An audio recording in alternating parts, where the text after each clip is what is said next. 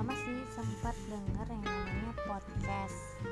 Cuma sekarang sore ini karena yang pengen bener-bener banget cerita.